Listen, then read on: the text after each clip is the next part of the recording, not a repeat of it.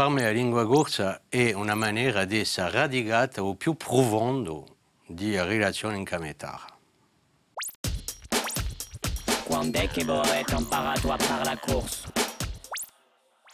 Ciò che ho inteso per la prima volta, penso, eh, di lingua corsa, l'ho intesa quando ero sempre in un, in un seno di mia mamma.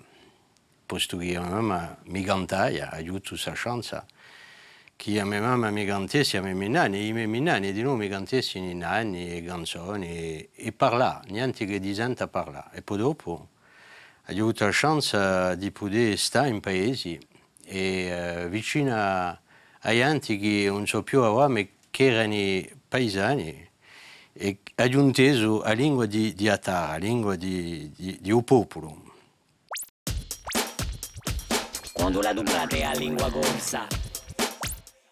Quando vogo a cercare a roba eh, piccoli magazzini in cui può andare più che in altri magazzini più maggiori in cui non si parla più né francese né corso nuda.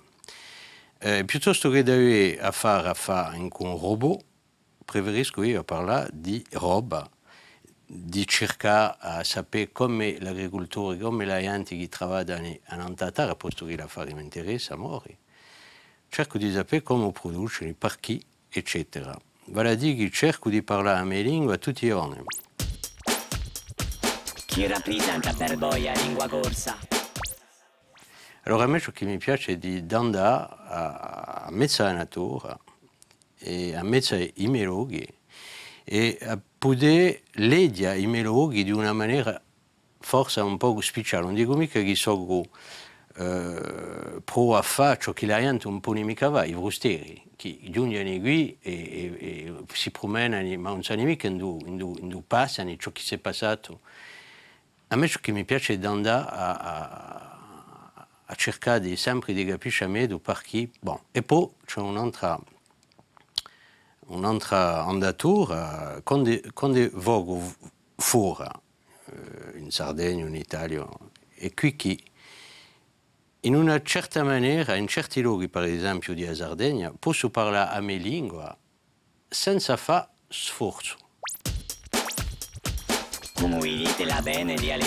La? Questa lingua qui ci permette oggi di poter, oggi, di poter comunicare, di poter fare un scambio maggiore con altri popoli per via di un mondo usano.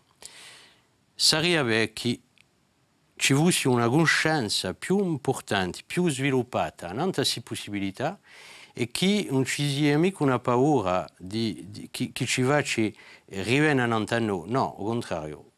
Spero e, e, e mio scopo di, di su, su, sempre su, sa maniera di vedere così, di aprire sempre la porta, di scambiare e di poter giungere a un punto, quando la lingua sarà riconosciuta, di poter mettere in piazza eh, atti di, di sviluppo culturale, per esempio, che sono più importanti che oggi, perché tutto il mondo ne ha bisogno.